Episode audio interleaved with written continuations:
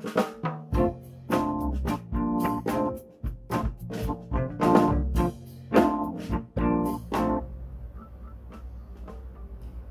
teman-teman, kali ini kita akan belajar tentang kapasitor yang terdiri dari nilai kapasitansi kapasitor, energi kapasitor, susunan kapasitor, bahan dielektrik, membaca kapasitansi, dan kapasitor gabungan.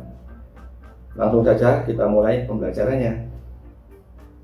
Kapasitor atau disebut juga kondensor merupakan salah satu komponen elektronik yang berfungsi untuk menyimpan energi sebuah kapasitor terdiri dari dua keping konduktor yang dipisahkan oleh bahan isolator.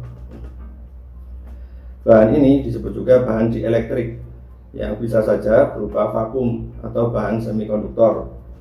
Besar kapasitansi kapasitor adalah C sama dengan epsilon R dikali epsilon 0 dikali A per D. Dengan epsilon R adalah permitivitas relatif atau konstanta di elektrik bahan. Tabel di samping dapat kita lihat tabel konstanta di elektrik bahan kapasitor yang terdiri dari berbagai bahan di antaranya udara vakum, aluminium oksida, keramik, kaca, polietilen, dan lain sebagainya. Besar energi kapasitor adalah W sama dengan setengah V kali Q. Dengan V adalah beda potensial dan Q adalah muatan listrik. Terdapat dua jenis susunan kapasitor yaitu susunan seri dan susunan paralel pada susunan paralel tegangan yang jatuh di setiap kapasitor sama besar dapat kita tuliskan V sama dengan V1 sama dengan V2 sama dengan V ke N. Muatan total pada susunan paralel adalah Q sama dengan Q1 ditambah Q2 ditambah Q ke N.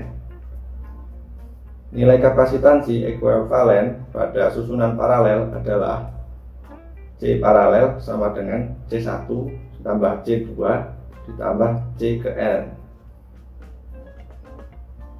Sedangkan pada susunan seri, tekanan total di masing-masing kapasitor adalah V sama dengan V1 ditambah V2 ditambah V ke N. Muatan kapasitor pada susunan seri adalah Q sama dengan Q1 sama dengan Q2 sama dengan Q3 sama dengan Q ke N. Nilai kapasitansi ekuivalen pada susunan seri adalah 1 per C seri sama dengan 1 per C1 ditambah 1 per C2 ditambah 1 per C ke R. Beberapa bahan dielektrik padat yang tersedia di antaranya kertas, plastik, kaca, mika, dan bahan keramik. Dielektrik bahan kertas digunakan dalam perangkat yang lebih tua dan menawarkan kinerja relatif tegangan tinggi, namun rentan terhadap penyerapan air di elektrik bahan plastik menawarkan stabilitas dan penuaan yang lebih baik meskipun terbatas pada frekuensi yang rendah.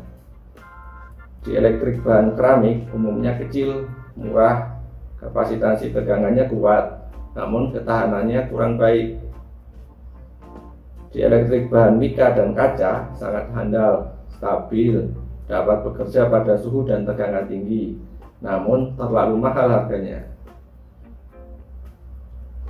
Dalam membaca kapasitansi pada berbagai kapasitor besar, nilai kapasitansi umumnya ditulis dengan angka yang jelas, lengkap dengan nilai tegangan maksimum dan polaritasnya. Sedangkan kapasitor yang berukuran kecil biasanya hanya bertuliskan dua atau tiga digit angka saja. Jika hanya dua digit memiliki satuan picofarad. Contohnya jika bertuliskan 26, maka kapasitas kapasitor tersebut adalah 26 picofarad. Jika kapasitor kecil bertuliskan 3 digit, digit pertama dan kedua menunjukkan nilai nominal, sedangkan digit ketiga menunjukkan faktor pengali. Faktor pengali sesuai dengan angka yang tertulis. Jika angka 1 maka dikali 10 jika angka 2 dikali 100 jika angka 3 dikali 1000 jika angka 4 dikali 10.000 dan seterusnya. Sebagai contoh kapasitor keramik bertuliskan 262 maka kapasitas kapasitor tersebut adalah 26 dikali 100 atau sama dengan 2600 picofarad Kapasitor dapat digabungkan dengan berbagai cara. Saat dihubungkan akan terjadi perpindahan muatan dari kapasitor yang beda potensialnya tinggi ke kapasitor yang lebih rendah beda potensialnya sampai terjadi kesetimbangan. Total muatan sebelum dan sesudah digabungkan akan sama besar atau dapat kita tuliskan sigma Q sama dengan sigma Q aksen. Nah, fisika asik kan? Sampai jumpa di pembelajaran selanjutnya teman-teman.